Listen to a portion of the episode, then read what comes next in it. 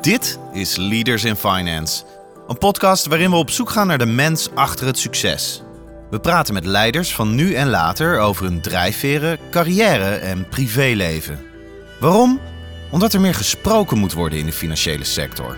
Onze gast deze week heeft een achtergrond in water engineering en business administration. Hoe is hij CEO geworden van een instelling die in zekere zin een ondernemende investeringsbank is? Ik ben geen bankier. Waarom hebben ze me aangesteld? Omdat ze denk ik iemand zochten die iets nieuws kan opbouwen en die verschillende werelden bij elkaar kan brengen. In, in dit geval de financiële wereld, de internationale wereld en de ontwikkelingssamenwerkingswereld. En hoe kwam onze gast voor zijn proefschrift over watermanagement terecht op de Filipijnen? Ik ben wel een heel nieuwsgierig mens. Ik ben echt wel een onderzoeker. Dus in die Filipijnen heb ik twee jaar lang bij een boer op de erf gewoond. Hoe werkt nou eigenlijk organisatiekracht en hoe werkt nou macht in zo'n constellatie als de Filipijnen? En heeft onze gast nog tips voor starters? Of eigenlijk voor iedereen? Succes is heel betrekkelijk. Ik heb ontzettend veel mooie dingen gedaan met allerlei wereldleiders en CEO's. En uiteindelijk is je, is je gezin en uh, is het kleine veel belangrijker. Een veelzijdige en verrassende gast dus deze week. Joost Oorthuizen, CEO van Invest International. Je host is Jeroen Broekema. Welkom bij een nieuwe aflevering van Leaders in Finance. Deze week is de gast Joost Oorthuizen, de CEO van Invest International. Welkom Joost. Dank je. Goedemorgen. Leuk dat je er bent. Uh, voordat ik je zal introduceren wil ik graag de partners van Leaders in Finance bedanken voor hun steun. Dat zijn Kayak, EY, Ortjes Berndsen Executive Search en Roland Berger. Zonder hun steun zou deze podcast niet mogelijk zijn. Verder wil ik luisteraars erop wijzen dat recent mijn boek met de titel 100 gesprekken, de mens achter het succes, is uitgekomen met persoonlijke fragmenten van de eerste 100 gasten van de podcast.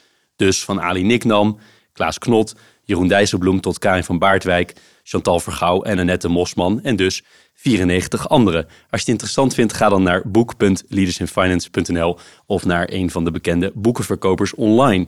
Dan nu weer terug naar mijn gast. En traditiegetrouw begin ik eerst met het spellen van de naam van de gast. Dat is Joost, J-O-O-S-T. En Oorthuis is O-O-R-T-H-U-I-Z-E-N. En ter introductie het volgende. Joost Oorthuizen is sinds oktober 2020 CEO van Invest International, het staatsbedrijf dat Nederlandse bedrijven helpt bij de ontwikkeling en financiering van duurzame projecten in het buitenland.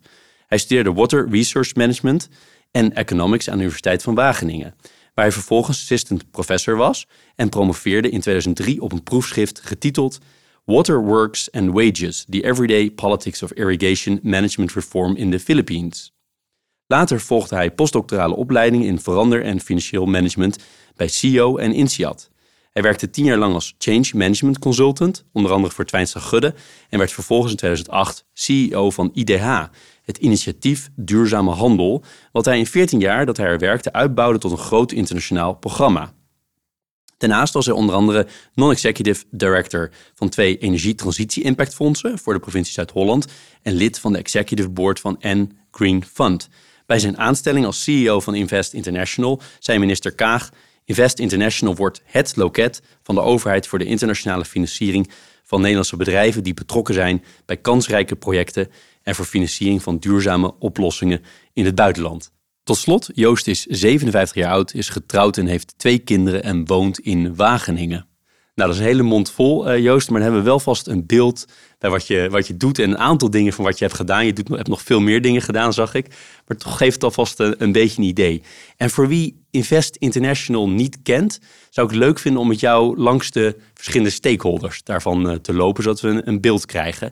Uh, misschien aan jou de vraag, ja, welke stakeholder begin je mee? Is misschien ook wel een gewetensvraag. Ja, nou, toch, toch de klanten, als je het niet erg vindt. Nederland is een handelsland. Een derde van ons geld verdienen we in het buitenland. En er zijn dus ontzaglijk veel bedrijven, een klein midden, middenbedrijf, maar ook groot bedrijf, die graag exporteert of investeert in, in het buitenland. Nou, er is enorm veel marktfalen. Uh, als je in Duitsland niet natuurlijk, maar als je wat verder gaat, dan heb je, heb je, heb je landenrisico en heb je kredietrisico. Nou, en, en daar zijn wij voor. Wij zijn voor het. En we zijn opgericht om, om, om die ondernemers te helpen in, uh, in buitenlandse markten met, uh, met, met financiering. En zijn het dan kleine bedrijven, grote bedrijven? Nou, vooral kleine bedrijven. Um, dus ja, alles vanaf, uh, vanaf een half miljoen uh, exportfinanciering. Um, ons, onze grootste deal is uh, 70 miljoen. En, en, alles wat ertussen zit. Dus het kan ook voor het groot bedrijf zijn. Dus dat zijn Nederlandse bedrijven. Dat is aan de ene kant zijn, dat onze klanten. En aan de andere kant voeren we ook voor ontwikkelingssamenwerking een groot programma uit ehm, voor publieke infrastructuurontwikkeling in ontwikkelingslanden. En daar zijn dan weer overheden uh, ons klant. Dus dan doen we aan publieke financiering. Dus dat zijn grotere tickets. Moet je denken aan financiering van uh, kustbescherming, ehm, bruggen, ziekenhuizen, uh, dat soort dingen. dus dat structureren we ook. En wat voor soort bedragen gaan je nou bij om in, in totaliteit? We zijn gecapitaliseerd door financiën met een, een kleine miljard om te beginnen voor het Nederlands bedrijfsleven. Vanuit ontwikkelingssamenwerking ruim een miljard voor, voor, die, voor die projecten. En daarnaast hebben we nog een paar andere potjes, zullen we zeggen, ook vanuit ontwikkelingssamenwerking voor Nederlandse bedrijven. Dus in totaal iets van 2,5 miljard, 3 miljard wat we onder beheer hebben. dat is toch wel serieuze bedragen. Ja. nou, tenminste, ja, daar kan je twee kanten naar kijken natuurlijk. Het zijn serieuze bedragen aan de ene kant. Aan de andere kant, in die grote massa van uh, financieren in het buitenland is het weer misschien weer klein.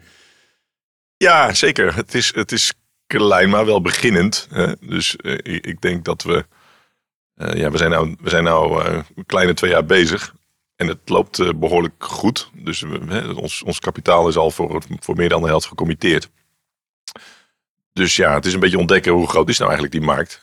Um, ik denk dat we wel naar een balans toe gaan van uiteindelijk 3, 4 miljard of zo. Dat is nog steeds klein. Um, maar ja, dat is toch wel een serieuze, ja, ook wel weer een serieuze aangelegenheid. Ja. ja. En dan uh, naar die medewerkers. Hoeveel mensen werken er bij jou? Uh, 150. Uh, dus we zijn, we zijn een, een fusie uh, van twee delen van, van één deel van FMO. Dat, een aantal jaar geleden waren er al mensen vrijgemaakt om te werken met het Nederlandse bedrijfsleven specifiek. Dus dat waren twintig mensen, financiers, bankiers, die zijn naar ons overgekomen. En iets van zestig mensen van RVO, die op, die op de regelingen zaten vanuit ontwikkelingssamenwerking. Dus dat waren er tachtig. En inmiddels zitten we op 150. Dus we hebben flink wat aangenomen. Ja. want hoe moet ik dat precies zien? Er was een deel van RVO wat eigenlijk hierbij ingebracht is dan, hè? Correct, ja.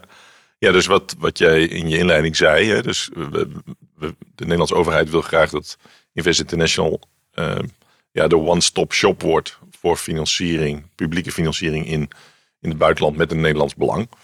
Nou, en dat is dus bij elkaar gebracht. Dus de RVO-mensen die Um, die werkte al lang op regelingen, bijvoorbeeld om MKB'ers uh, die in ontwikkelingslanden wilden opereren. Maar dat was dan risicovoller. Daar is een, daar is een fonds voor. Het Dutch Good Growth Fund. Nou, dat, dat is naar ons toe overgekomen. En wat ik vertelde, die, die publieke financiering van, van infrastructuur in ontwikkelingslanden zat ook bij RVO. Um, ehm, en men heeft gemeend, dat dat bij ons uh, goed past, omdat we, ja, we hebben natuurlijk behoorlijk wat financiële kennis. En we kennen veel, we kennen die ontwikkelingslanden goed, om dat dan in één huis te brengen. Ja. Moest jij er nog een soort van één cultuur dan van maken bij jou? Want het zijn hele andere achtergronden waarschijnlijk. Ja, zeker. Ja, dat was een van de grote uitdagingen. Ja, dat was natuurlijk best spannend. Uh, en ik heb er heel veel van geleerd en ook wel van genoten. Uh, dus aan de ene kant mensen die ook vanuit overtuiging voor de overheid werken. Dus dat vond ik ook heel bijzonder om te merken. Dat, dat, dat mensen dat ook echt als een roeping kunnen hebben. Dus dat waren de mensen van RVO. En die heel duidelijk aan de ontwikkelingssamenwerkingskant zaten en zitten. En aan de andere kant mensen uit die ooit bij de grootbanken werkten en op de exportfinancieringsafdeling bij FMO terechtkwamen. Nou, dat zijn wel twee verschillende werelden, zullen we zeggen.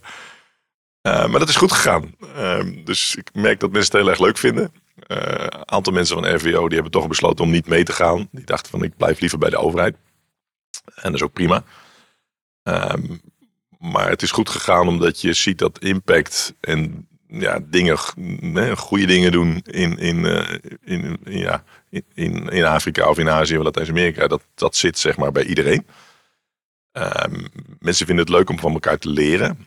Uh, je vindt ook nu, we zien nu ook, ook de synergie tussen publieke financiering en private financiering komt steeds meer bij elkaar.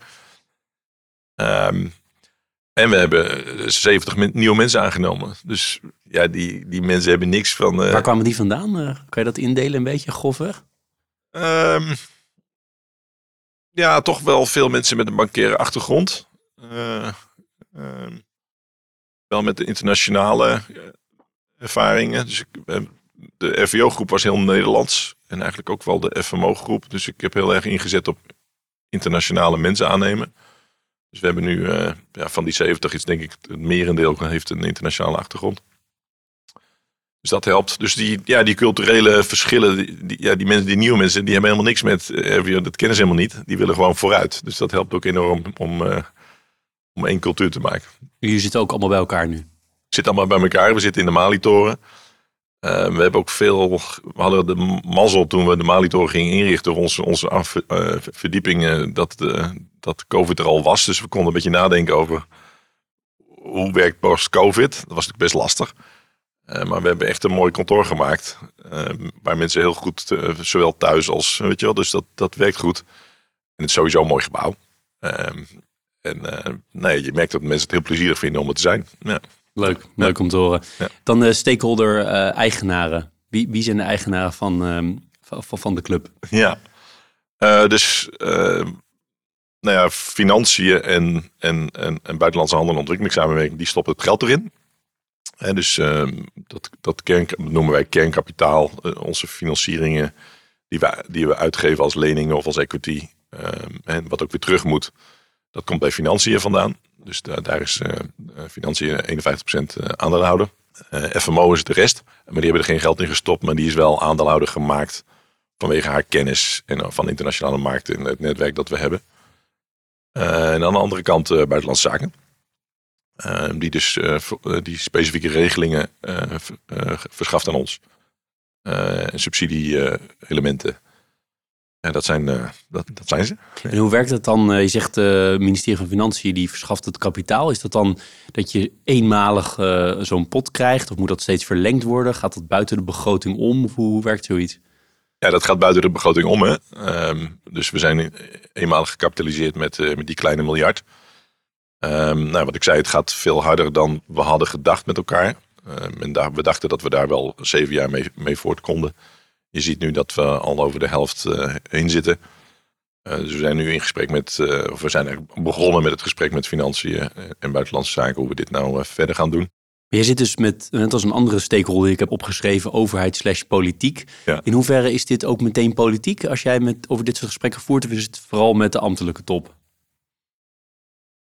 Nou ja, kijk, het, het is natuurlijk een. Er is een wet afgevaardigd op de staatsdeelneming sta- eh, Invest International. Dus het, het is daarmee dus zeer politiek. Eh, dat was, eh, kabinet wilde het. En, en, de, zowel de Tweede Kamer als de Eerste Kamer moesten daar ja op zeggen. Ehm, ze zijn er zes jaar mee bezig geweest. Dus het is een heel proces geweest. Eh, je richt niet zomaar een staatsdeelnemer op, kan ik je vertellen. Ehm, dus in eerste instantie zou InvestNL en Invest International bij elkaar zitten. En toen is later in het proces besloten van het is, het is toch zo dermate specifiek dat internationale financieren. En dat staat zo weer, weer zo'n ander, ehm, ja, hoe moet je dat zeggen, stakeholderveld eh, op het financieren van de energietransitie en innovatie in Nederland. Dat ze toch besloten hebben om dat eh, te splitsen. Dus ik was eerst aangesteld als kwartiermaker. Ehm, en toen moest het nog door de Tweede en de Eerste Kamer. Dus dat was een heel proces. Ehm, waar je ja, alle partijen toch graag mee wilden krijgen. Dus ik heb toen ook veel gesproken met, met Tweede Kamerleden en Eerste Kamerleden. Zowel aan de linkerkant als aan de rechterkant. Ja, wat je ziet is dat natuurlijk de, de rechterkant van de Kamer... Die, die gelooft in het concept vanwege het ondersteunen van het Nederlandse bedrijfsleven in, in het buitenland. Dat vinden ze belangrijk. Het linkerdeel van de Kamer trouwens ook. Maar die vinden natuurlijk uiteraard ook duurzaamheid en impact eh, belangrijk. Ehm, en dat je, ja, dat je geen eh, publieke middelen in private, dat moet wel weer kloppen. En Afrika, eh, de Afrika-strategie van, eh, die met name eh, toch een beetje het linkerdeel van de Kamer zit. Er komen een aantal dingen samen, zeg maar, die, die je dan nodig hebt om te zorgen dat, dat er een meerderheid ontstaat. Nou, dat bleek zo te zijn. We hadden een grote meerderheid in zowel de Tweede als in de Eerste Kamer. Moet je dat onderhouden? Moet jij, ben jij ook echt direct of wordt dat voor jou gedaan meer door de, vanuit de ministeriële kant bijvoorbeeld? Of moet jij ook, is het ook echt belangrijk dat jij, nou educatie noem ik het maar even, blijft doen bij Kamerleden van wat je allemaal voor aan successen behaalt bijvoorbeeld? niemand heeft mijn jobprofile zeg maar op die manier. maar het is wel heel handig als die, zeker als voor een nieuwe club, dat je wel nauw blijft praten met, met Kamerleden. Ehm, en de, ambt- de ambtenaren mogen dat sowieso niet, dat ligt altijd ingewikkeld. En Kamerleden zijn ook wel echt geïnteresseerd van, joh, hoe gaat het nou? Ehm, loopt het? Eh, wat zijn de dilemma's? En de relatie met de andere instellingen die ook dingen doen op jullie gebied. Zoals, zoals FMO zelf of de, de export, ik weet niet hoe ze tegenwoordig heet, de exportkredietclub. is dat ligt er bij Atradius? Of, Atradius, ja, Atradius ja. Dutch Ja. State eh, Business. Ja. Eh, hoe, hoe is die verhouding? Want is daar een soort van concurrentie dan? Of hoe werkt dat? Nee, dat, dat, nee, dus met Atradius werken we heel nauw samen. En we zijn ook heel aanvullend. Zij doen de verzekeringskant en wij doen de financieringskant. Eh, Dus allerlei mooie samenwerkingsproducten die er nu zijn. Ehm, FMO, nou sowieso, we zijn geen concurrent, want zij zijn 49% aandeelhouder. Hè, dus we zijn eigenlijk een soort, ja, hoe moet je dat zeggen, offspring van, van FMO. Ehm, en de afspraak met FMO is dat als er geen Nederlands belang is, dan doen zij de financiering. En alleen als er een Nederlands belang is, dan doen wij de financiering. Oké, dan hebben we die vraag ook meteen beantwoord. Dus dat is het verschil tussen jullie. Want ik wil ook weten waarom is het niet gewoon bij FMO ondergebracht. Ja, ja nee, dat is het verschil. Dat Dus is de reden. dat is de reden. En je zag dat ja, FMO is een hele succesvolle ontwikkelingsbank. Die, zich bezighoudt met private sectorontwikkeling in ontwikkelingslanden of in opkomende markten. Ehm, en toen werd daar dit element aan toegevoegd van, joh, kunnen jullie nou ook niet wat meer doen met het Nederlands bedrijfsleven? Nou, dan zie je toch dat dat, dat zit niet primair tussen hun oren, zullen we zeggen. Ze zitten in Nederland, eh, maar Schiphol is wel belangrijk. Om gewoon eruit te gaan en goede dingen te doen in ontwikkelingslanden. Ehm, dus toen heeft men toch gemeend om dat, apart te zetten. En dat blijkt ook te werken. Want sinds het bij ons zit, gaat het veel harder. Eh, dus dedicated club op dit stuk ehm, is toch wel heel nuttig. Nee, we zitten elkaar niet in de weg. ehm, dus eh, ja, het overgrote deel van wat er gefinancierd moet worden in opkomende markten heeft helemaal geen Nederlands belang. Dus dat, dat doet gewoon FMO. Ehm, ja, dan heb je nog InvestNL. Eh zitten we elkaar daar in de weg? Nou, ook bepaald niet. Ehm, eh, dus eh, daar is de afspraak dat als, het, als, de, als de financieringsbehoefte primair gaat over in het buitenland dingen financieren of iets opzetten, dan ligt het bij ons en eh, is het primair hier, dan ligt het bij InvestNL. De link met Nederland is het cruciale zinnetje. Ja. Ja. Hoe komen jullie dan aan nieuwe, om maar even in zakelijke eh, business termen te, te noemen, aan nieuwe leads?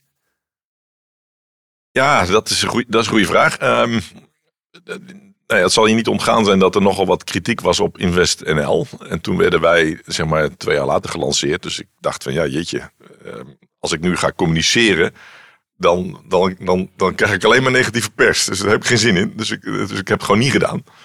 Eh, dus ik ben begonnen zonder communicatie. Dus toen dacht ik van, ja, gaat de, gaat de, gaat de telefoon wel rinkelen. Nou, dat bleek heel erg zo te zijn. Eh, men wist ons te vinden zonder dat we per se de markt op gingen.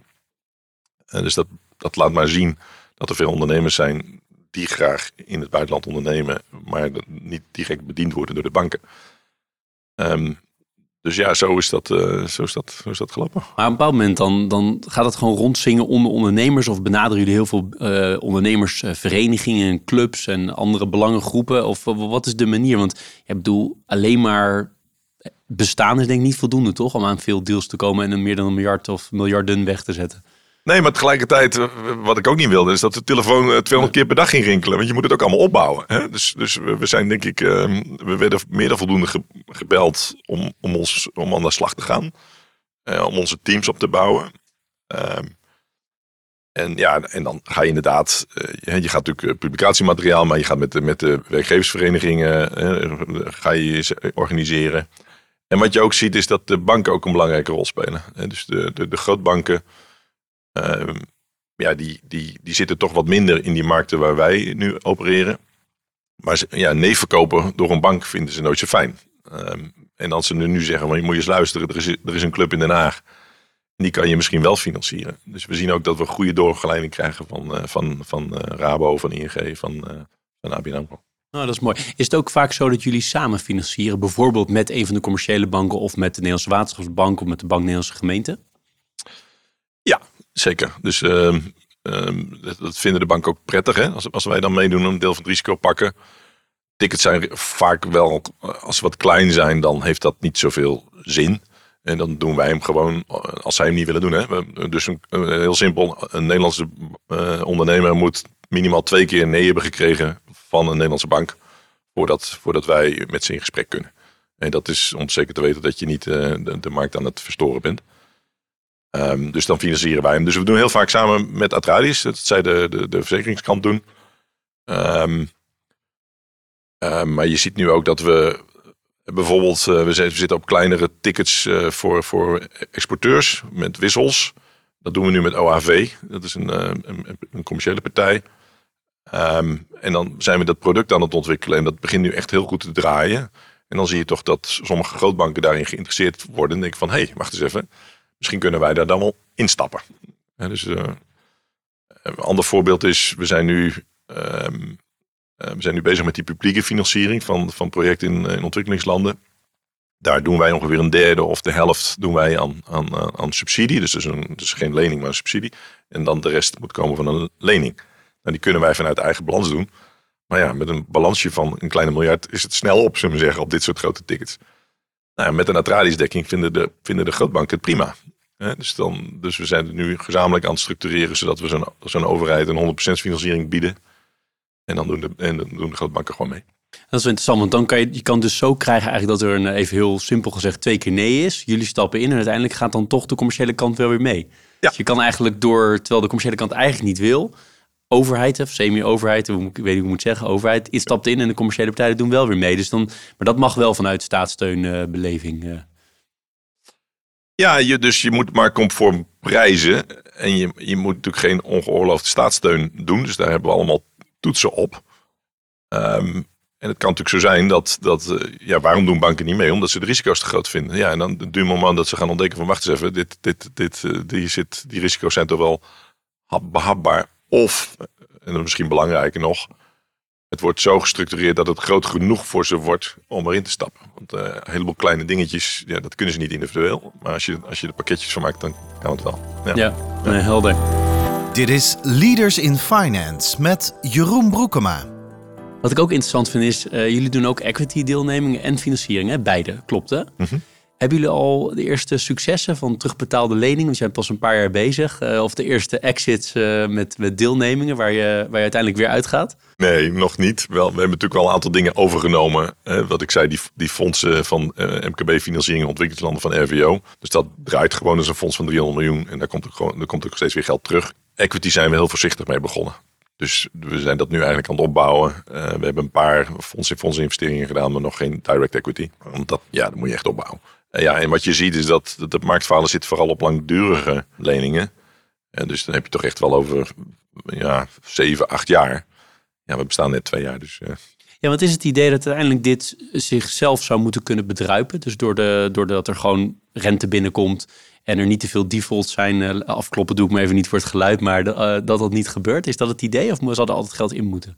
Nee, het moet zichzelf wel kunnen bedruipen. Ja, zeker. Dus um, ja, het normrendement, zoals dat dan heet vanuit financiën, moet nog worden vastgesteld. Dat is nu ook een beetje vroeg. Um, maar onder nul is voor financiën geen, geen optie. Ik heb het uh, met ze besproken, wel geprobeerd, maar dat vinden ze niet zo'n goed idee. Uh, dus het, concept is toch een beetje dat onrendabele toppen worden door de, door de, door de door, in dit geval door buitenlandse zaken afgedekt, mochten die er zijn. Um, maar het kernkapitaal moet gewoon terug met een klein plusje. En dat zie je nu ook eigenlijk al gebeuren. Dus ook daar doen we het eigenlijk best goed. Dus um, we hebben ook een beetje mazzel hè, met opkomende, oplopende rentes. Um, we denken eigenlijk dat we dit jaar al zwarte cijfers gaan schrijven. Um, ja, ja, en dan moeten we even afwachten of er nog wat voor defaults eraan gaan zitten komen. We denken dat, het allemaal, dat we het goed onder controle hebben, maar dat is... Uh, ja, dat weet je nooit. Dat uh, moeten, we, moeten we meemaken. Ja. En zijn het dan uh, de bedrijven die naar... Die zijn dus, er zitten Nederlandse elementen. Zijn het dan vooral Nederlandse bedrijven die naar het buitenland gaan... en dat willen gaan doen wat ze hier ook al doen? Of gaat het juist om hele nieuwe dingen? Nee, het zijn Nederlandse bedrijven die naar het buitenland gaan. Hele nieuwe dingen, dat is, dat is natuurlijk wel ook voor ons een beetje te risicovol. Het geld moet wel terug. Um, dus dan, nee, dat, dat, soort, dat soort avonturisme, dat, dat financieren Kan je een paar voorbeelden geven, met of zonder naam? Van wat voor soort dingen jullie dan doen? Ja, het is heel divers. Dus um, ja, we, we hebben een, een Zeeuwse boer die zet een grote tomatenkast neer in, in, in Tunesië. Uh, we hebben net een, uh, een, een, een, exportfinanciering van een zoutfabriek voor Egypte gefinancierd vanuit een, vanuit een Gronings bedrijf. die kleine tickets waar ik het net over had, hebben we een MKB gefinancierd die CO2-afvang systematiek op schepen heeft. Ehm, ja, verzin het maar. Het, het, zit er allemaal tussen. We hebben een, we hebben een grote boer die heeft een grote machine waar, je, waar groene kolen ingaan en plantaardige proteïne uitkomt voor de Engelse markt. Dus dan was het technologierisico te hoog. Dus het ongeveer 50-50 exportfinanciering en, en de rest eh, een andere helft investeringsleningen. Um, ja.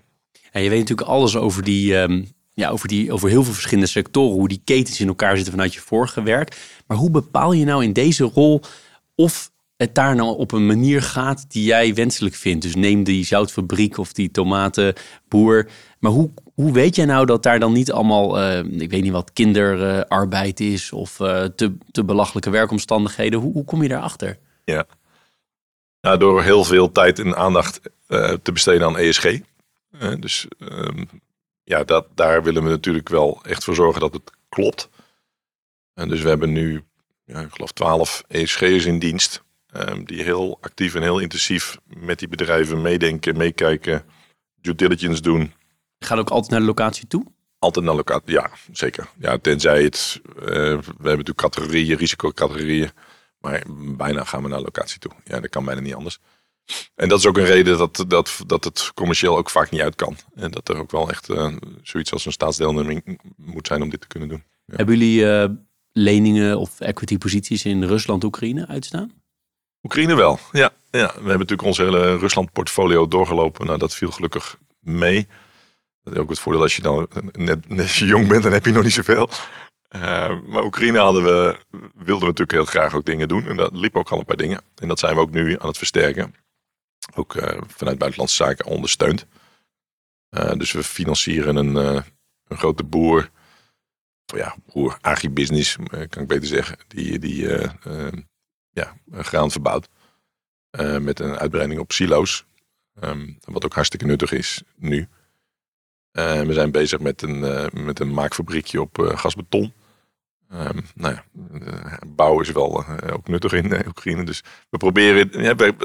Onze motto is een beetje van ja, we zeggen niet direct nee. En we, we zoeken naar een ja. Het moet wel kloppen. Um, maar we zoeken echt daar waar, waar de markten het niet oppikken dat wij het kunnen doen.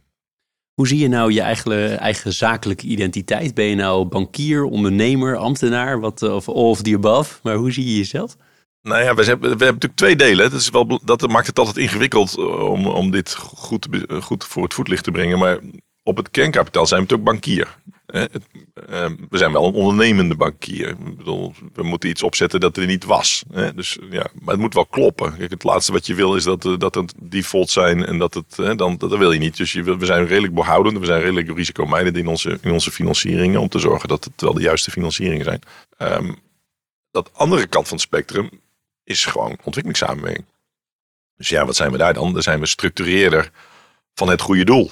Van grote projecten, van grote financiële projecten in, uh, in ontwikkelingslanden. Ja. Maar dat is de we, maar hoe voel jij je?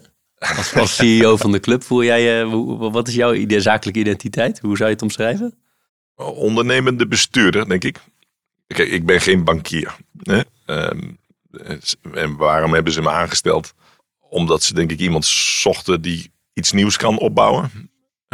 En die verschillende werelden bij elkaar kan brengen. In, in dit geval de financiële wereld, de internationale wereld en de ontwikkelingssamenwerkingswereld. Ja. Wat is je drijf, drijfveer? Het goede doen. Ja, ik ben een zeer gedreven mens en ik wil graag de wereld een stukje mooier maken. Uh, en daarom doe ik dit. Heb je dat altijd al gehad? Ja, dat denk ik wel, ja. Als ja. kind ook al? Ja, nou als kind, eh, dat weet ik niet zo goed, maar wel als, uh, als puber. Uh, dus ik was op de middelbare school, was ik, werd ik toch wel behoorlijk betrokken bij de wereld. En uh, vond ik maatschappij liggen het leukste, het leukste vak. En kreeg je het mee vanuit huis? Deze manier van denken? Ja, mijn ouders zijn, die kwamen uit Amsterdam-Noord. Um, um, ja, lagere middenklasse. Um, en met name mijn vader was wel iemand die heel erg van. Hij leeft nog steeds, de man is 93. Um, ja, die vanuit ongelijkheid uh, bezig was in de wereld en het, en het goede wilde doen. Um, toen hij leraar werd in Lutjebroek um, en na de oorlog. Uh, toen had je nog. Had, had hij maken met een schooldirecteur die nog gewoon de meisjes uh, de, de, de, de, wilde scheiden. En ook, ja, die had ook gewoon de klassenjustitie, zeg maar. Je had de, zeg maar. Het lagere volk ging naar die klas en het hogere ging. Dat was in die tijd nog. Dus ja, die, die, dat ongelijkheidsdenken, dat, dat heb ik wel meegekregen. Wat voor les gaf hij? vader? Ehm, ja, vooral boekhouden. En, en, en, en, Was het middelbare school of eh basis? Ja, maar wel de lagere niveaus. Dus hij was vrij breed, werd hij ingezet. Ja. En je moeder? Mijn moeder was typelerares. Ja, Typelerares. ja, ja. En eh, lerares machine schrijven, zoals dat mooi heet. Ja, ja. Dus die heeft voor, voor Bartimeus nog eh eh, met blinde eh, heeft ze leren typen. ja. Ja. En broers en zussen? Eh, een zus en twee, eh, en twee broers. Twee broers en zus. Het is met z'n vieren thuis. En waar zit jij in de, in de rang, rangorde qua leeftijd? Ik ben de derde. De Ja. derde, oké. ja. En wat, wat, wat, voor, wat voor opvoeding was het? Amsterdam-Noord, eh, lagere middenklasse noem je het. Maar wat voor sfeer was er thuis?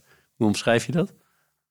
Nou, ik heb een fantastische jeugd gehad, omdat ik, eh, ja, weet je, met, met, eh, met, met, met z'n vieren is het natuurlijk hartstikke, wij konden het heel goed met elkaar vinden. En ik, ja, eerlijk gezegd vooral met mijn broertjes. Dus we hebben, ja, we hebben heel veel met de lokale lopen van sporten en voetballen en doen. Dus ehm, ja, mijn, mijn ouders werkten hard en mijn, mijn moeder het was natuurlijk een zwaar bestaan. eh, hè? En, en lerares machine schrijven en dan kwam ze thuis en dan nou ja, klinkt allemaal een beetje ouderwets, maar dat is dan toch misschien wel een beetje zo. Eh, dan ging die, eh die zinken emmer, aardappelemmer, die, die ging op, op het aanrecht. En dan ging ze aardappels schillen en dan, moest er weer, dan moest er weer eten op tafel.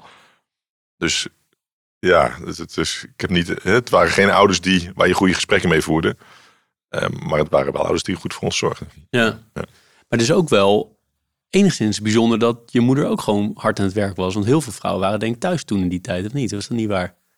Ja, maar dan was zij wel heel, zij was wel heel erg gedreven om dat, om dat dus te veranderen. Ja, ja zeker. Ze was heel eh, een stevige, stevige dame die, ja, die echt niet thuis wilde zitten. En dat ook helemaal niet fijn vond. En eh, ja, zo gauw ze de kans kreeg. En dat was natuurlijk, ja, als je vier kinderen moet eh, baren en opvoeden, dan, dan duurt het wel even. Dus ze dus inderdaad gaan werken. Ja. ja. En hoe ben je bij je studie terechtgekomen? Wageningen? Ja, dat is een goede vraag. Ik, ik, ik wist niet zo heel goed wat ik wilde. Ik was natuurlijk heel erg ma- maatschappelijk geëngageerd. En toen ehm, was er een oom van een, van een hele goede vriendin van mij. En die zat in de ontwikkelingssamenwerking. En Zo'n man met zo'n baard. Weet je wel, zo'n, echt zo'n, zo'n type ontwikkelingsman. En die, eh, die was ons op school, op de middelbare school. Dan stond hij bij een steentje. En toen ging ik met hem praten. En toen eh, vertelde hij over Wageningen. En, en dat je tropische cultuurkunde kon studeren. En dat je dan in naar ontwikkelingslanden kon en daar mooie dingen kon doen. Nou, dat vond ik super interessant. Maar toen wilde ik een tussenjaar. Dus ik ben toen, eh, ik wilde weg. Ik wilde ver weg. Toen ben ik naar een kibbutz gegaan in Israël. En daar eh, ja, zes maanden gezeten. En toen ben ik nog een paar maanden naar, naar Egypte gegaan. Maar op die kibbutz was ik, eh, werd ik gebombardeerd. werd ik gebombardeerd tot het irrigeren en bemesten van de, van de plantages. Dus ik kreeg een heel oud tractortje. En dan moest ik 's ochtends om zes uur met dat tractortje door die velden hobbelen. Om dan de, de kunstmest toe te voegen aan de irrigatiesysteem. Nou, dat vond ik heel interessant. En toen eh, in Egypte zag ik, de, zag ik de armoede. Dus toen kwam ik terug en toen ben ik naar die man gegaan. En ik joh, ik wil wel, eh, ik wil wel naar Wageningen. Maar ik kwam uit de Randstad. Dus de eerste keer dat ik naar Wageningen ging... eh, er was niet eens een station. Je moest, het heet Ede maar dat is helemaal niet waar. Het is gewoon in Ede. En dan moest je met de bus. Dus nou, dat was wel even een schok. Maar ja, dat ben ik toch gaan doen. Ja. Maar je, ehm, ik las inderdaad in de voorbereiding dat Israël-Egypte verhaal. En, in, in het interview wat ik las, zei je toen ook van ik wilde ver weg. Maar waar zat het dan in dat je echt weg wilde? Waar kwam die motivatie vandaan? Eh, nou, ik wilde ook echt weg van mijn ouders. Dus dat zat ook wel, eh, dat ook wel behoorlijk eh, die wens. Ehm, ja, ik ben een ondernemer. Ik wilde de, nou ja, dat maatschappelijk engagement, denk ik. Maar ik wilde ook gewoon de wereld verkennen. Ja, ik wilde de wereld in. En dat, eh. Ik wilde ergens naar Nieuw-Zeeland. Ik had gezien dat het aan de andere kant van de aardbol lag. Dat dat heel ver, Ver was. genoeg, ver genoeg. maar ja, het moet ook nog maar kunnen. En toen liep ik eigenlijk tegen die kibbutzwereld aan. En dat was vrij praktisch. Dat was misschien ook wel handig. Want, Hoe lang heb je daar gezeten in Israël? eh, ja, zes maanden. Ja. Zes maanden. En toen hoe lang nog in Egypte? Ja, een paar maanden, twee maanden. En, en dat was niet van plan om van Israël naar Egypte te gaan. Dat ontstond daar. dat ontstond daar. Ja, ja, ja. Maar dat, dat was in die tijd makkelijk om van, eh, van dat land naar, naar Egypte te gaan? Of, eh? Ja, dat was zeker. Ja, dat was redelijk makkelijk in die tijd. En ja, Egypte is natuurlijk ook fantastisch mooi. Ja, geweldig om daar te zijn, toch? Ja, wat deed je daar dan in Egypte? ja toerist. Ja. Toerist, gewoon rondgereisd. Gewoon rondgereisd, eh, backpacker. Ja. Ja. En dan, maar dan kwam je terug en dan ging je naar Wageningen, wat dan de provincie was. Was het een grote shock dan verder even los van dat het in de provincie was wat je net vertelde? Was het een grote overgang van in het buitenland zitten en nou, ja, die, aan die vrijheid geproefd hebben? Dan weer te gaan studeren? Nee, want nee, dat vond ik. Nou ja, nee, dat vond ik. Ik vond het heel erg leuk. En uh, tropische cultuur was een ontzettend leuke studie. Want het waren ook allemaal. Het waren heel veel kinderen van, van uh, ouders die in het buitenland gezeten hadden. Dus heel veel kinderen van, van Shell-ouders, zullen we zeggen. En die, en die waren heel erg gedreven. Dus het was een super gave groep. En die waren ook heel, allemaal heel, heel erg geëngageerd met de wereld. Uh, dus ja, ik voelde me daar als een, meteen al als een vis in het water. Ja. ja, want ik las in een ander interview dat je zei tijdens die middelbare school, en je laat het net ook al een beetje doorschemeren, maar ik ga het even iets, iets, iets duidelijker stellen nog, dat je ook wel een beetje een angry man was. Voordat je begon met, nou, tijdens studententijd ook nog wel een beetje dat, dat speelde. Wat, wat, wat is dat dan? Wat bedoel je daarmee? Nou, ik was toen ik zeg maar uh, die keuze moest maken voor de middelbare school, dat, dat was zeg maar de, de, de, de, honger in Ethiopië en de, en de, en de, ja, de miljoenen doden die daar plaatsvonden. Dus ik was echt ook wel serieus ja, ja, boos, um, gedreven, zeg het maar. Um, dat dat vond ik wel vrij ernstig, zullen we zeggen. En ik ben toen ook bij vluchtelingenwerk gegaan in het begin van mijn Wageningse tijd. Ja, en ik begeleidde daar een, een jongen, die, dat was ook kwam hartstikke ingewikkeld, die was psychotisch en weet ik wel. En, en, en, zeg maar, dus ik kwam ook in die wereld terecht. Dat was eigenlijk allemaal veel te zwaar voor een jochie van, uh, van 18, 19. Maar ik was daar ook wel, ja, boos dat, dat we dat niet konden oplossen. Hè? Dat we zo'n gozer niet konden helpen. En met al zijn ingewikkeldheden, dus ja. ja. Een hele sterke idealistische drive, dus toen, uh, toen al. Ja. ja. En uiteindelijk uh, wilde je weer ver weg, want je ging naar de Filipijnen. Ja. Hoe komt dat tot stand? Nou ja, dat hoort natuurlijk bij de studie. Hè. Dus de tropische cultuur gaat natuurlijk over, over, over irrigatie en landbouw in, in ontwikkelingslanden. Um, dus um, ja, ik, kwam, ik was eerst naar Bangladesh gegaan. Uh, die, die man met die baard die had gezegd: ga maar naar Bangladesh. Dat is, de, dat is de moeilijkste plek op de wereld. Dus uh, als, je het ergens, als je dat overleeft, dan overleef je het overal. Dus ik zat daar in, in, in een watermanagementproject van, van Euroconsult ja, de laatste twee uur moest je met de boot. En dus ik heb daar zes maanden lang echt tussen de ja, rurale kon het niet, geen elektriciteit. Hè? Um, dus daar heb ik ja, gezien en geleerd hoe dat boerenleven is in, in ontwikkelingslanden. Wat enorm fascinerend is. Daar ben ik op doorgegaan. Um, dus toen, ja, toen kwam ik in de Filipijnen terecht. Omdat daar natuurlijk ook vond dat heel interessant met die grootschalige irrigatielandbouw en hoe de bestuurlijke kanten daarvan. Um, nou, dus dan ben ik eerst op stage gegaan.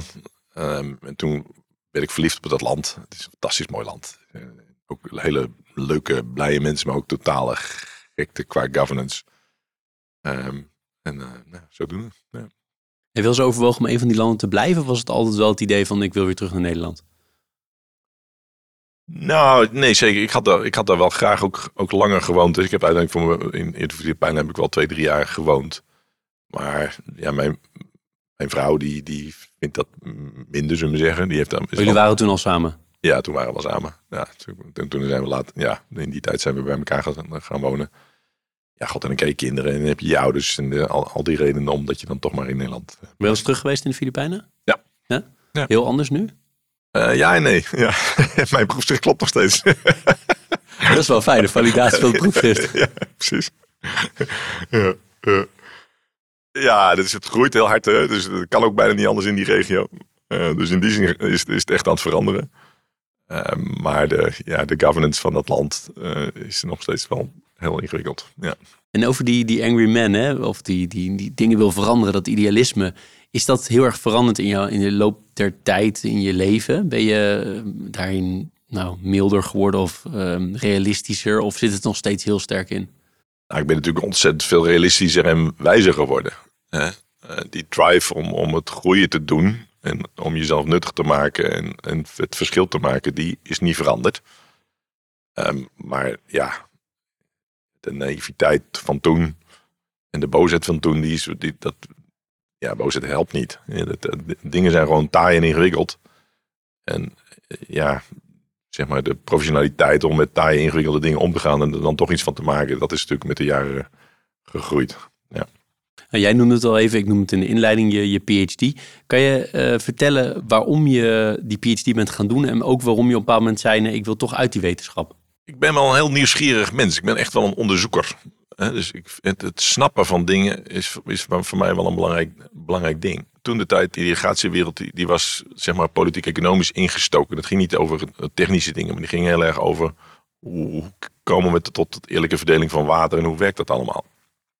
Dus in die Filipijnen heb ik uh, twee jaar lang heb ik, uh, ja, bij een boer op het erf gewoond. En heb ik zeg maar macht onderzocht in zo'n grootschalig irrigatiesysteem. Hoe organiseren mensen zich? Hoe, hoe werkt nou eigenlijk organisatiekracht en hoe werkt nou macht? In zo'n constellatie als de Filipijnen. Ik woonde daar op het erf van een, van een bottommaster. En hij was een geweldige vent. En die, en, en die koeien, die, hij moest op zijn koeien passen. En die werden s'nachts wel eens gestolen, zeg maar. Dus hij moest dan tot drie uur opblijven. En dan werd zijn tante wakker. En dan zo was er altijd 24-7 was er uh, bewaking. Dus ik heb daar oneindig veel met die man s'avonds uh, onder de sterrenhemel zitten praten over hoe het allemaal werkt in dat land. En toen op een gegeven moment zei ik van ja, weet je, op het moment dat ik iets beter kan voorspellen dan jij in het irrigatiesysteem, want het was een heel politieke uh, dynamiek met ook veel geweld en toestanden, dan ben ik klaar. En dat was op een gegeven moment. Toen, uh, toen zei ik, nou, ik hoor deze auto rijden naar van A naar B. Volgens mij is dat aan de hand. Toen zei ah ja, dat zou best eens kunnen. Dus dat vond ik uitermate fascinerend. Het, het, het, het snappen van hoe, hoe dingen werken. En, en het, het, netwerken dat je daarbij moet doen in zo'n leven, in zo'n ander leven stappen. Maar toen moest ik terug, toen moest ik het opschrijven. Ja, dat, dat, die wetenschappelijke haarkloverij, dat is niet helemaal mijn ding. Je hebt het wel voor elkaar gekregen. Was het echt een leidersweg? Om dat was echt een leidersweg. Krijgen, ja, ja? Dat was echt een leidersweg. Dus toen, toen, toen ik had op een gegeven moment had ik al die, die interviews in dozen staan. En toen was ik bij een consultancybureau gaan werken. En dat zat toch niet lekker. Dat, dat, ik was er eigenlijk mee gestopt. En die dozen stonden op zonde. Toen ging ik naar mijn baas. Ik zei, joh, ik wil toch eigenlijk mijn PhD afmaken. Uh, als ik nou één dag per week aan mijn PhD werk en vier dagen voor jou, dan uh, komt het allemaal goed. Toen zei hij, nou, dat, uh, je zit jezelf voor de gek houden. Dat slaat natuurlijk helemaal nergens op. dus kom maar terug over een week. Of je neemt ontslag, of je, of je gooit die dozen weg. Oh, dat is wel een eerlijke en meedenkende baas. Zeker, toch? ja zeker. Ja. En toen ging ik een week later terug. Zei ik, nou, ik neem ontslag. Zei, dat wist ik al. Ja. en toen ben ik teruggegaan naar de universiteit. Ik zeg, joh, ik wil het heel graag afmaken. Toen hebben ze me nog een jaar betaald. En toen heb ik mezelf heel strak georganiseerd. Dus toen heb ik gezegd, ik wil een hoogleraar. Ik ben op zoek gegaan naar een hoogleraar die zijn bureau schoon had. Dus geen, geen, die goed georganiseerd was. Um, en toen heb ik ook een contract getekend tussen, tussen de universiteit en mij. Waar, waar ik zeg, ik wil elke maand een hoofdstuk inleveren, anders betalen jullie me niet. En ik heb ook een contract met die hoogleraar afgesproken van, joh, ik heb echt goede begeleiding nodig. Dus dit zijn de, de, de gedragsregels waar we ons allebei aan gaan houden. En dat, uh, dat vonden, zij, vonden ze wel bijzonder, uh, in positieve zin. Dus uh, dat... Maar je, je hebt dus de discipline om een gestructureerde gedisciplineerde systeem op te bouwen om ervoor te zorgen dat je het voor elkaar krijgt. Precies. Doe je dat vaker in je, in je, in je werk? Dat je voor jezelf structuren creëert die waardoor het gaat werken? Ja, niet zo radicaal. Want dat, dat, maar ja, natuurlijk. Ja, natuurlijk. Het opzetten van organisaties gaat natuurlijk heel erg over het neerzetten van de juiste poppetjes en met de juiste regels. En, hè? Ik vind het wel mooi, maar blijkbaar zat er denk ik dan achter dat je het echt wilde afronden, maar dat je ook echt jezelf heel goed kende. Ja. Dat je echt wist van als ik dit niet doe, dan, dan haal ik dat doel gewoon niet. Nee. Nee. Ja, precies. En toen is het ook als een speer gegaan. Dus dat je binnen een jaar af? Toen ik binnen een jaar af. Ah, ja. kijk. En toen was je, ben je weer teruggegaan naar die oude uh, baas van die consulting? Of beter een ander, ander club gegaan? Um, nou, toen ben ik ook een beetje op de universiteit blijven hangen. Toen, toen, uh, toen werd ik universitair docent. Toen heb ik daar een paar jaar uh, gedoseerd. Ja, dat was toch te academisch voor mij. Ik vind het doseren leuk. En ik, wat ik zei, ik vind het onderzoeken leuk. Maar dat, dat hele precieze wetenschappelijke, dat, dat is toch niet helemaal mijn ding. En toen ben ik weer terug de consultancywereld ingegaan. En dat vind ik dus de meest interessante uh, momenten in je carrière als je zo als buitenstaander zoals ik ernaar kijk. Ja. Want je verwacht dan, oh die gaat dan de ontwikkelingssamenwerking in. Ja, daarvoor eigenlijk al, toen was je al naar de consulting gegaan. Maar goed, ja. een van die twee momenten. Of die gaat bij het ministerie werken. Of nou ja, die gaat weer überhaupt helemaal... Nou ja, buitenland was dan misschien afgesloten door de familiaire uh, omstandigheden. Maar dan verwacht je niet dat hij de consulting ingaat. Of is dat, uh, is dat naïef van mij? Nee, ja, ik weet niet of dat naïef is. Ik, ik, ik was zo met die, met die wat dat, heet, dat noemden we toen nog derde wereld. Ik was zo met die derde wereld bezig. Dat ik ook echt niet wist wat mensen in Nederland deden. Waar, waarom, waarom staan ze in de file? Waar gaan ze dan naartoe? Dus ik was ook echt wel geïnteresseerd in Nederland, zeg maar. Dus ik, dus ik had toen de kans om in, bij zo'n Nederlands consultancybureau te gaan werken. En dat vond ik wel super, super interessant. En het wat het voedt is mijn nieuwsgierigheid. Het mooie van consultants is dat je steeds weer in een andere keuken van iemand kan kijken. En dat je erin en eruit kan. Uh, dus dat vond ik ook wel weer heel erg boeiend. En, Deed toen consulting richting bedrijfsleven en overheid of een van de twee? Ja, ik zat voor een in deel zat ik in ontwikkelingssamenwerking nog, dus daar deed ik dingen. Um, maar ja, Nederlands bedrijfsleven. Dus ik zat op een gegeven moment eh, bij een trainings- en consultiebureau in, uh, op het Groot Handelsgebouw. Ja, dat was echt puur uh, bedrijfsleven. Ja, hartstikke leuk. Ja. ja, wat vond je het hartstikke leuk aan? Ja, het ondernemerschap en het verschillende en, en, en MKB'ers en startende bedrijven. En ik heb toen nog een tijd voor, voor Schuitema, voor de C1000 supermarkten gewerkt. Om die, om die jonge ondernemers te helpen in die, in die bedrijven. En ja, dan gaat er een hele wereld van nieuwe dingen voor je open. Dus ja, dat, dat vond ik hartstikke leuk. Ja. En ik las in de voorbereiding uh, iets wat ik heel interessant vond, waar ik op wilde op doorvragen bij jou. Namelijk, je zei bij die je hebt voor grote projecten heb je ook de, de consulting uh, kant gedaan. En dan zei je, ik heb daar ook wel geleerd hoe ik uh, iedereen aan boord kreeg. Ja. Dat het vaak lange trajecten waren Ja. om zowel publieke als private stakeholders allemaal om, om hetzelfde uh, doel te bereiken bij elkaar uh, bracht. Maar kan, kan je eens verder uitweiden op hoe je dat doet? Want het is toch wel ontzettend belangrijk natuurlijk in, wat, in welke sector je dan ook zit, dat je mensen bij elkaar krijgt en op de, nou ja, dezelfde kant uit laat kijken. Ja, precies. Dus als ik terugkijk op mijn carrière, dan, is het, dan zou je kunnen zeggen, wat, wat, een, wat, een, wat een grillig volop. Eén rode lijn is publiek-private samenwerking. Dat is toch een van de dingen waar ik echt wel ja, goed in ben en verstand van heb. Ja, en ik heb er zelfs een boekje over geschreven met Hans, Hans Vermaak. Uh, op basis van mijn IDH-tijd. Ja, wat we niet, wat, wat we allemaal geleerd hebben op de universiteiten en in de, in de business, in de MBA's, is allemaal organiseren binnen organisaties. En wat we nooit geleerd hebben, is organiseren tussen organisaties. Daar is heel weinig scholing in en kennis over. En iedereen vindt dat altijd hartstikke lastig. Hè? Hoe doe je dat dan? Want dan is er opeens geen hiërarchie meer. En dan hè, is dat altijd verdomd ingewikkeld. We staan toch best dicht bij de, bij de aap, zullen we zeggen. Dan zitten mensen binnen een organisatie. En bijna automatisch is dan mensen in die andere organisatie zijn opeens vijanden geworden. Dat is heel bijzonder. Mensen zijn, hebben een hele sterke behoefte om zich bij een groep te organiseren. En ja, dat doe je door je af, af, te bakken. Maar ja, de meeste vraagstukken in de wereld vragen samenwerking tussen organisaties. Um, nou ja, hoe doe je dat dan? Door je dit te realiseren, door, je te, door te snappen dat je samen dingen voor elkaar krijgt die je in je uppie niet voor elkaar krijgt. En meer persoonlijk, ja, waar ik wel echt wel goed in ben, is dat ik heb visie. Dus ik snap waar je naartoe wil en dat, dat is vaak inspirerend voor mensen. Ook voor mensen van die andere organisatie. Um, en ik ben goed in netwerken, dus ik, ik, ik zoek vaak mensen die, die hetzelfde willen. Uh, dus ik zoek binnen, ja, ik, ik, je leest zo'n veld, zullen we zeggen, en dan loop je tegen iemand aan en denk je, ah, kijk. En dan word ik daar, ja, ik, ik, een Gideon's bende, zullen we zeggen, een soort klein groepje. Uh, niet helemaal boven het maaiveld, zullen we zeggen, waar je, waar je relaties mee bouwt. En dan toch de dingen probeer, voor elkaar probeert te krijgen in andere organisaties. En dat is super interessant. Dus de informele kant is daarin dus ook heel belangrijk. Informele kant is daar heel erg belangrijk. Uh, um, um, en investeer je dan in de mens of in de ideeën? Sorry, je, je, je wilde iets gaan zeggen nog. Ja, je, nou, je investeert. Je, je zoekt mensen met dezelfde ideeën. En dan investeer je in de relatie. Ja, dan investeer je in de relatie. En daarnaast heb je dan ook weer structuur nodig. En je hebt een gezamenlijk uh, verhaal nodig. En je hebt, weet je wel, een stakeholder management nodig. En planning nodig. Al die dingen heb je ook allemaal nodig. Uh, maar voor mij persoonlijk begint het bij het, het, vinden van die relatie. Ja.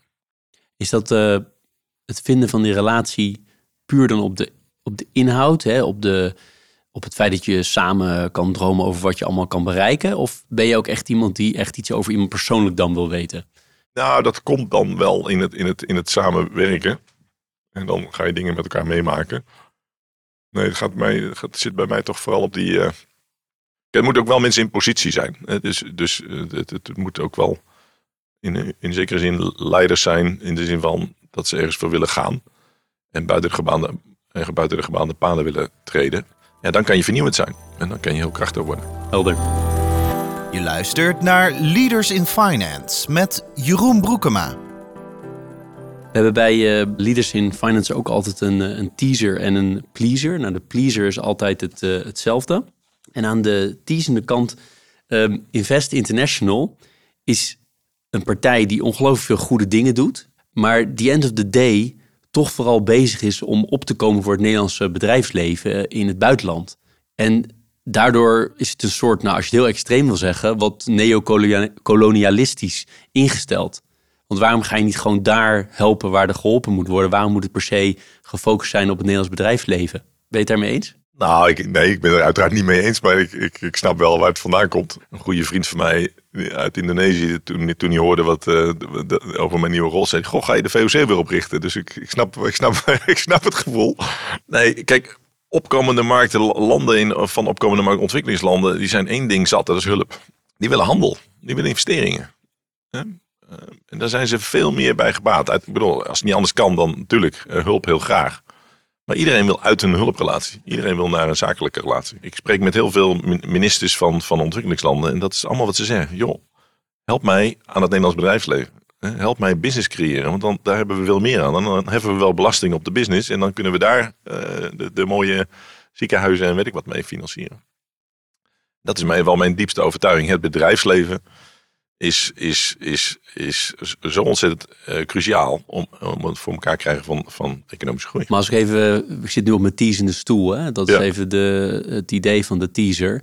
Maar als nou uiteindelijk uh, 90% van al die winsten of meer toch weer terugvloeien naar die Nederlandse bedrijven, eh, wat heb je dan precies bereikt? Ja, dan heb je niet zoveel bereikt. Kijk, Um, ja, voor de Nederlandse economie heb je dan veel bereikt, maar dat is niet per se mijn drijf. Zonder, zonder mij gaat die Nederlandse economie ook best goed. Hè? Dus eh, dat, daar heb je mij niet voor nodig. mijn focus zit op die impact in die, in die, in die ontwikkelingslanden of in die opkomende markten. Um, ja, dat is niet zo. Dat vloeit niet allemaal terug. Um, dus wat mensen in Nederland zich veel te weinig realiseren, is dat uh, de grote markten van de toekomst zitten niet in, zitten niet in Europa. Dus, er, is, er is een enorme verschuiving van de, van de wereldeconomie en de, en, de, en de wereldorde aan de gang. En dat gaat zo ontzaglijk hard. Maar mensen hebben het niet door. Dus ik denk eerder dat wij hun nodig hebben dan dat zij ons nodig hebben op termijn. Ik, ben, ik kom regelmatig in Marokko. Nou, je weet niet wat je ziet. Terwijl het beeld in Nederland van Marokko is nog steeds, ja, het is een vakantieland, maar verder is het allemaal negatief. Hè? Of grotendeels negatief. Uh, de, haven daar in het noorden, uh, Tangier doet ongeveer de helft van de overslag van Rotterdam op het moment. En dan, als je dat tegen mensen zegt, wat? India is in binnenkort een van de grote supermarkten van de wereld. Indonesië heeft onze economie al ingehaald. En over, over 30 jaar eh, geven zij onze ontwikkeling, zullen we zeggen. Hè? Een beetje overdreven. Maar... Dus um, Afrika is, is, is, heeft nu al een grotere middenklasse dan India. Uh, Afrika is 2 miljard in, in 2050. En, uh, als ik het zo hoor, hebben we eigenlijk Invest International helemaal niet nodig dan. Behalve als het om, om zeg maar, verlicht eigenbelang gaat. Ja, we hebben, zeker hebben we dat nodig. En ook Afrika heeft ons nodig. Um, en, eh, dus eh, die markten lopen nog niet. Hè? Dus uh, het is natuurlijk heel bizar dat je, dat je een continent hebt, als ik het even op Afrika focus, wat heel dichtbij ligt. Maar de, de totale handel van Nederland met, met Afrika is gelijk aan die van Italië. Dat gaat helemaal nergens zo. En tegelijkertijd zit daar heel veel business. En gaat het ook heel hard groeien de komende 20, 30, 50 jaar. Dus er is een gigantisch marktfalen. Ehm, wat we met elkaar op te lossen hebben. Dat is goed voor ons, maar dat is ook heel goed voor hun. Ja. ja. want in jouw vorige uh, rol bij uh, eh, IDH heb je natuurlijk heel erg in die, ik noemde het eerder al even, in die ketens gezeten. Ja. Dat kunnen we natuurlijk makkelijk nog een uur over of een paar uur over vullen. Maar waar ik wel even specifiek nieuwsgierig naar ben, is van hoe die, die ketens, hoe oneerlijk zijn die nog altijd? Ja, daar kun je inderdaad uren over praten. Um, ja, ik ben daar wel wat milder in geworden, merk ik.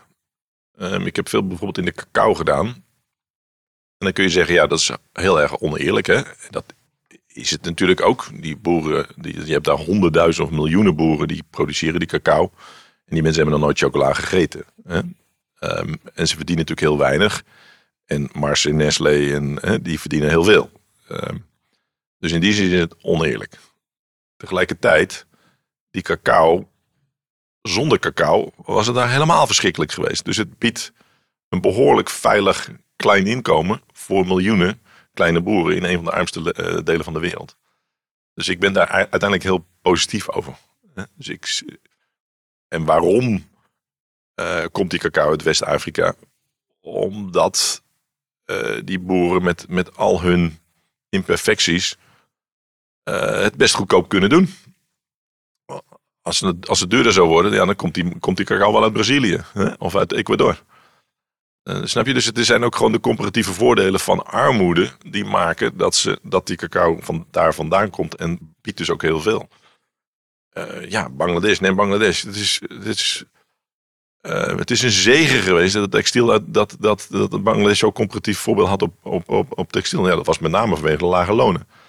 Maar het heeft wel oh, nou ja, tientallen miljoenen mensen uit de armoede getrokken in Bangladesh. Dus ik ben daar eigenlijk heel positief over. Ja, het is eigenlijk heel, heel dubbel dus eigenlijk ook. Aan de ene kant ja, dus dat staat stijf met de, van de dilemma's. Ja. Um, maar wat je ziet is met, met al onze compliance denken en er mag geen kinderarbeid in zitten en al dat soort dingen. Ja, wat je krijgt is dat dus dat het, het bedrijfsleven die uh, doet heel veel aan compliance. Um, in mijn beleving lost het niks op. Behalve dan je straatje schoonwegen. Uh, Oké, dan zit er geen kinderarbeid meer in die keten. Nou, denk je nou echt dat er dan minder kinderarbeid ontstaat in de, in de cacao? Nee, natuurlijk niet. Dan gaat gewoon kinderarbeidvrije uh, chocola gaat naar ons toe. Um, al dat geld dat in die compliance is gaan zitten, had je ook hele mooie projecten kunnen doen en daadwerkelijk iets kunnen veranderen. Dus nou, ik bedoel, het zijn geen makkelijke antwoorden hier, maar het, het staat wel stijf van de dilemma's. Ja, wat ik al zei, het is veel te ja. moeilijke vraag om even zo te doen, maar ik wilde wel iets over, iets over gezegd hebben. Ja. Um, aan de pleasende kant uh, ben jij iemand die graag leest en heb je ook bepaalde boeken waarvan je zegt, nou, dat heeft mij erg geïnspireerd of die geef ik graag aan andere mensen? Ja, zeker. Ik heb er, ik heb er twee uitgezocht. Um, een, roman die ik heel erg leuk vond was uh, de, de, Midnight Library of Middernachtbibliotheek van Matt Haig. Die heb, die, heb ik, nou, die heb ik net uit. Ja, ik vind dat echt een prachtig boek. Gaat over een hele depressieve dertiger. Die, die op, het punt staat hem zelf te plegen. En, en, en, en, en dan komt een soort, een soort schemerzone tussen leven en dood. En dan uh, komt die persoon bij een, bij een, uh, bij een bibliothecaris terecht. Die een oneindige hoeveelheid boeken in die bibliotheek heeft staan. En elk boek gaat over hoe jouw leven er ook uit had gezien had kunnen. Dus al die boeken gaan over jou, over jouw leven. Dus een oneindige hoeveelheid variaties op jouw leven. En dan heb je dus de kans om die levens te leven. Wat mooi. Dat is echt schitterend mooi. Briljant uitgangspunt ook voor een uh, boek. Ja. ja. En nou ja, wat natuurlijk die persoon dan leert, is dat al die andere levens ook zo zijn, uh, zijn, zijn wit en zijn zwarte kanten hebben. En dat is prachtig om mee te maken. Van als ik toen had dat had gedaan, het boek is er dus ook. En dan gaat ze dat boek weer leven. En dus ik blijf continu de, de leven herleven op een andere manier. En ziet al dat het toch ook wel heel mooi was hoe ze daadwerkelijk geleefd had. Plus ze leert, ze leert ontdekken van, hé, hey, het leven is eigenlijk heel mooi als je waardeert wat er is. Ja. The Midnight Library. The Midnight Library. En je had er twee opgeschreven? Ja, dus meer in, inhoudelijk. Hè? Dus de, de, wat oude boek, uh, de, Donut Economy van, uh, van Kate Rayworth. Ik weet nooit, Raworth, ik weet precies hoe je het uitspreekt. Ja, dat, de Donut Economy is voor mij heel inspirerend geweest voor, voor mijn werk. Dat, dat, er de donut, dat ze zegt, ja, er zit een gat in het midden. Allerlei sociale dingen die we met elkaar op te lossen hebben. Maar er zit ook grens aan de groei. Um, en dat is de buitenkant. En op die donut, daar moeten we het met elkaar vinden. Ja, dat is, vind ik een prachtig uh, beeld voor, uh, voor hoe, het, uh, hoe het moet.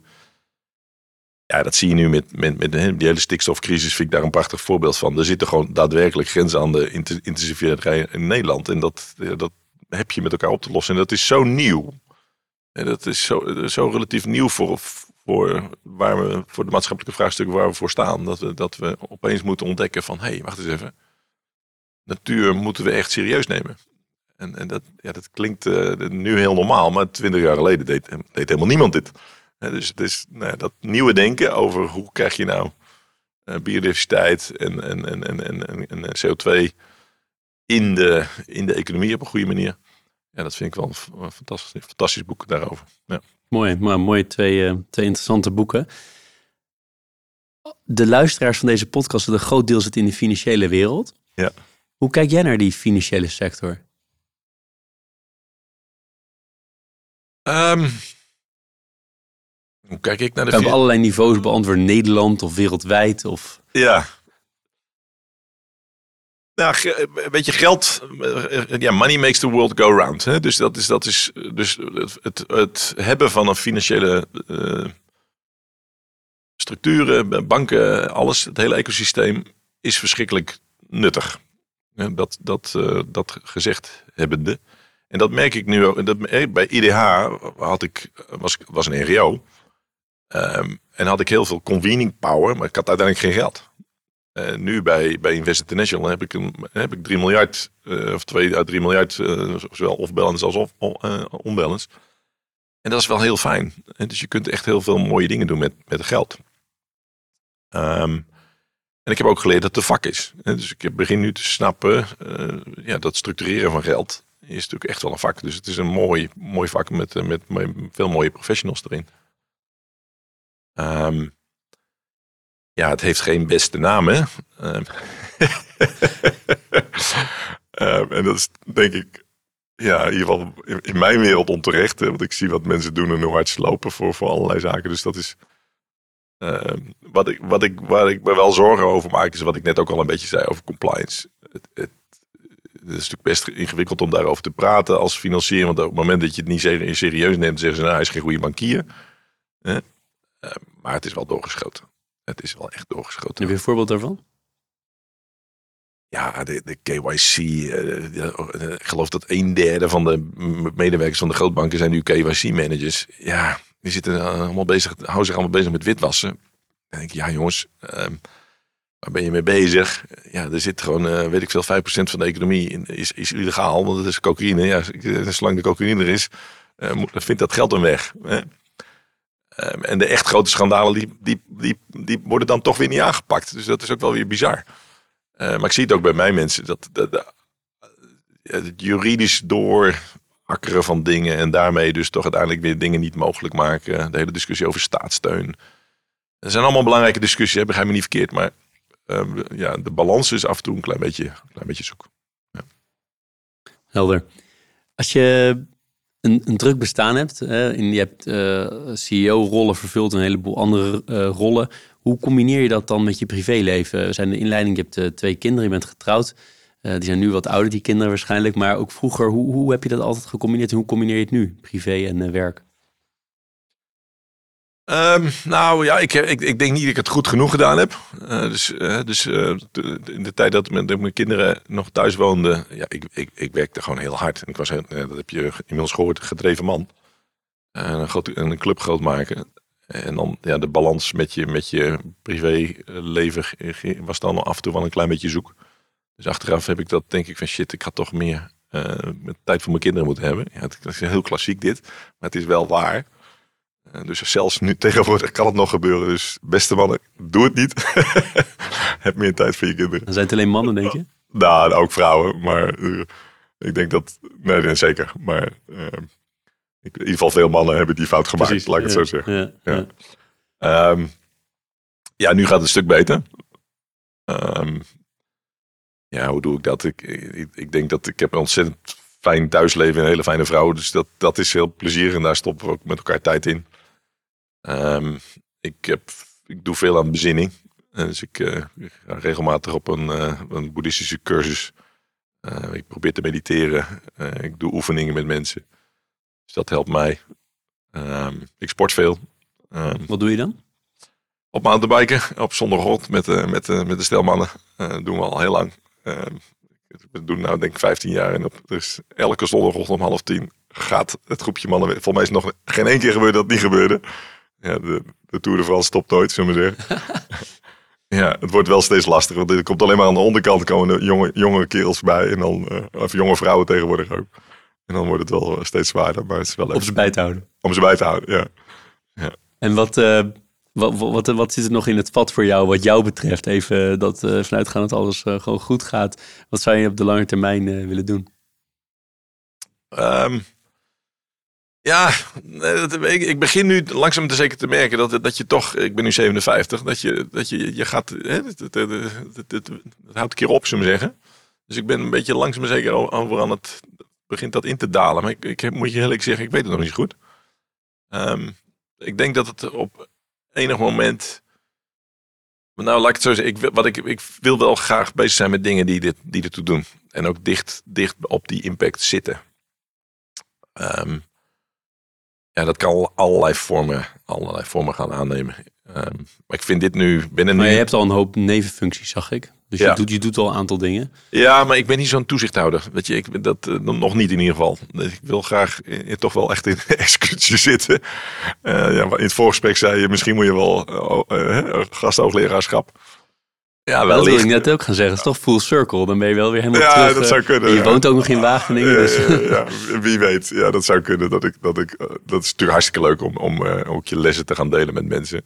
Maar op de ene manier zit er nog heel veel energie in mij. Hè, dus, dus ik ben nog niet helemaal klaar om eh, mooie dingen te doen. Ik ben net begonnen bij Invest.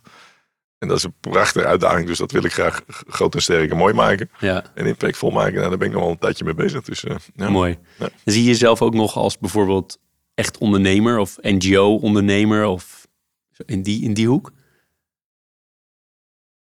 Nou, nee, nee, ik ben, ik, ik, ik ben wel in mijn kracht als ik als, ik als bestuurder grote dingen kan doen. Ik, ik heb- ben echt goed in netwerken en ik, weet je, dat, dat, dat, dat, dat publiek-private spel wat groter is dan een klein ding. Ehm, ja, dat, dat is wel mijn ding, denk ik. Politiek? Nee, nee, nee, nee, nee, nee, nee, nee. Niet praktisch genoeg. Ja, te veel aan de zijlijn. Ik, ik zit liever in, in de business dan, dan, dan in de beleidsmaker. Nee, en ik, nee, dat kan ik niet zo goed. Ik hou niet van, ik hou niet van politieke spelletjes. Daar ben ik niet zo goed in. Ik, ben, ik hou van, van, van energie en positieve energie. Ik heb, eh, begrijp me niet verkeerd, ik heb een enorme waardering voor, voor, voor, voor Kamerleden en politici. Ik vind dat ze ongelooflijk goed werk doen. Maar het is aan mij niet helemaal besteed, denk ik. Nee, ieder zijn vak. Ja. Laatste, of de ene laatste vraag van mijn kant eh, voor dit gesprek. En dat is de vraag die ik aan iedere, nou, iedere andere gast ook gesteld heb. Namelijk, heb je tips voor starters op de arbeidsmarkt? Dan wel die starten in, in jouw subwereld eh, van de sector of in de financiële sector of breder. Maar überhaupt tips voor starters. Of misschien ook wel tips eh, aan jezelf toen je zo jong was als, eh, als, als starter. Maar mag ook, mag ook breder natuurlijk.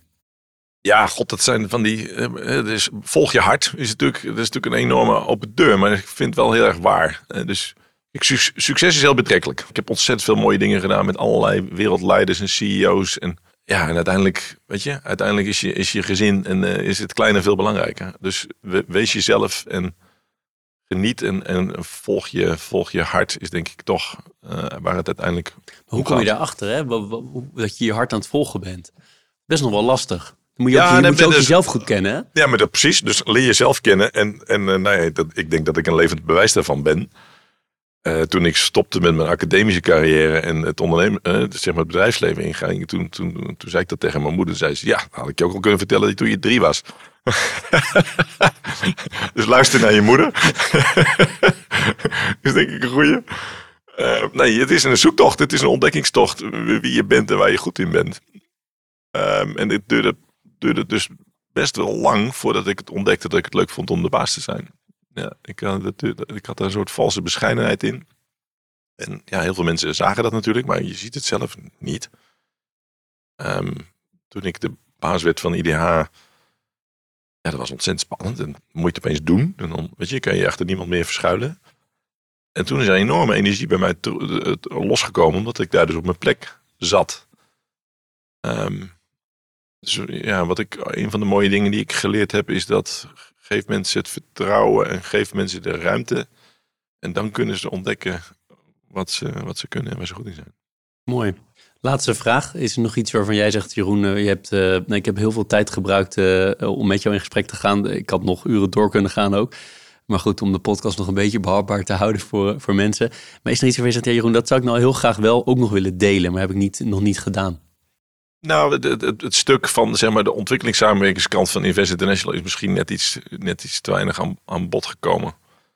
En wat ik, wat ik daarover wil zeggen is dat ehm, die publieke financiering van, van, eh, van, van publieke infrastructuur, eh, daar hebben we als Nederland een enorme kans. We hebben heel, heel veel, eh, we zijn in een aantal dingen heel erg goed. We zijn heel erg goed in kustbescherming en drinkwater en waterzuivering en weet ik het allemaal. En er liggen gigantische kansen. En wij als Invest International met al dat geld van ontwikkelingssamenwerking gecombineerd met het private kapitaal van de banken en de Atradi's, denk ik. Dus we, hebben, we kunnen nu als Nederland eh, een prachtig aanbod doen aan die, aan die landen. Waar ze, ja, waar ze heel erg blij van worden. En dus ik heb nu een paar mooie deals getekend met, met Benin. We zijn, zijn nu met Senegal bezig. We zijn met Marokko bezig. Een aantal grote enveloppen op een aantal grote projecten die, ja, nogmaals, die heel snel kunnen, veel sneller kunnen gaan dan in die stroperigheid van wat ze gewend zijn, hè, van de Wereldbank. Uh, weet je allemaal. Uh, met Nederlandse kennis en kunde, met een exportfinanciering. Dus dat gaat over best wel serieus geld. Als je alles wat bij elkaar optelt, gaat het over, afhankelijk van het leningsdeel, gaat het over 2, 3 miljard over de komende vijf jaar. Ja, dat, dan zijn we nog geen China, zullen we zeggen. Maar we zijn ook niet helemaal niks. Dus Nederland kan zich best goed organiseren op, het, op dit stuk. Mooie laatste toevoeging. Joost, ik wil je heel hartelijk bedanken voor alle tijd die je in Leaders in Finance hebt gestoken. En ook voor je ontzettend boeiende verhaal. Dat is het, het eh, nadeel van mensen die al een serieuze carrière achter de rug hebben dat je over zoveel verschillende onderwerpen kan praten en zoveel verschillende dingen kan leren. Maar heel mooi hoe we hebben kunnen, ja, hoe jij het meandert tussen privé en werk en, en alles daartussenin. Dus heel veel dank. Ik heb zo meteen een, ik wijs er nu naar, maar een bedankje voor je om je te bedanken voor die tijd en alles wat je hebt willen delen. Dankjewel. Ontzettend bedankt, vond het heel leuk. Dankjewel. Dit was Leaders in Finance. We hopen dat je deze aflevering met veel plezier hebt beluisterd. We stellen je feedback erg op prijs. Wat houdt je bezig en over wie wil je meer horen? Laat het weten in een Apple of Google review. Dat kan ook via de sociale mediakanalen of direct via een e-mail. We kunnen het enorm waarderen als je dat doet. Tot slot danken we onze partners voor hun steun.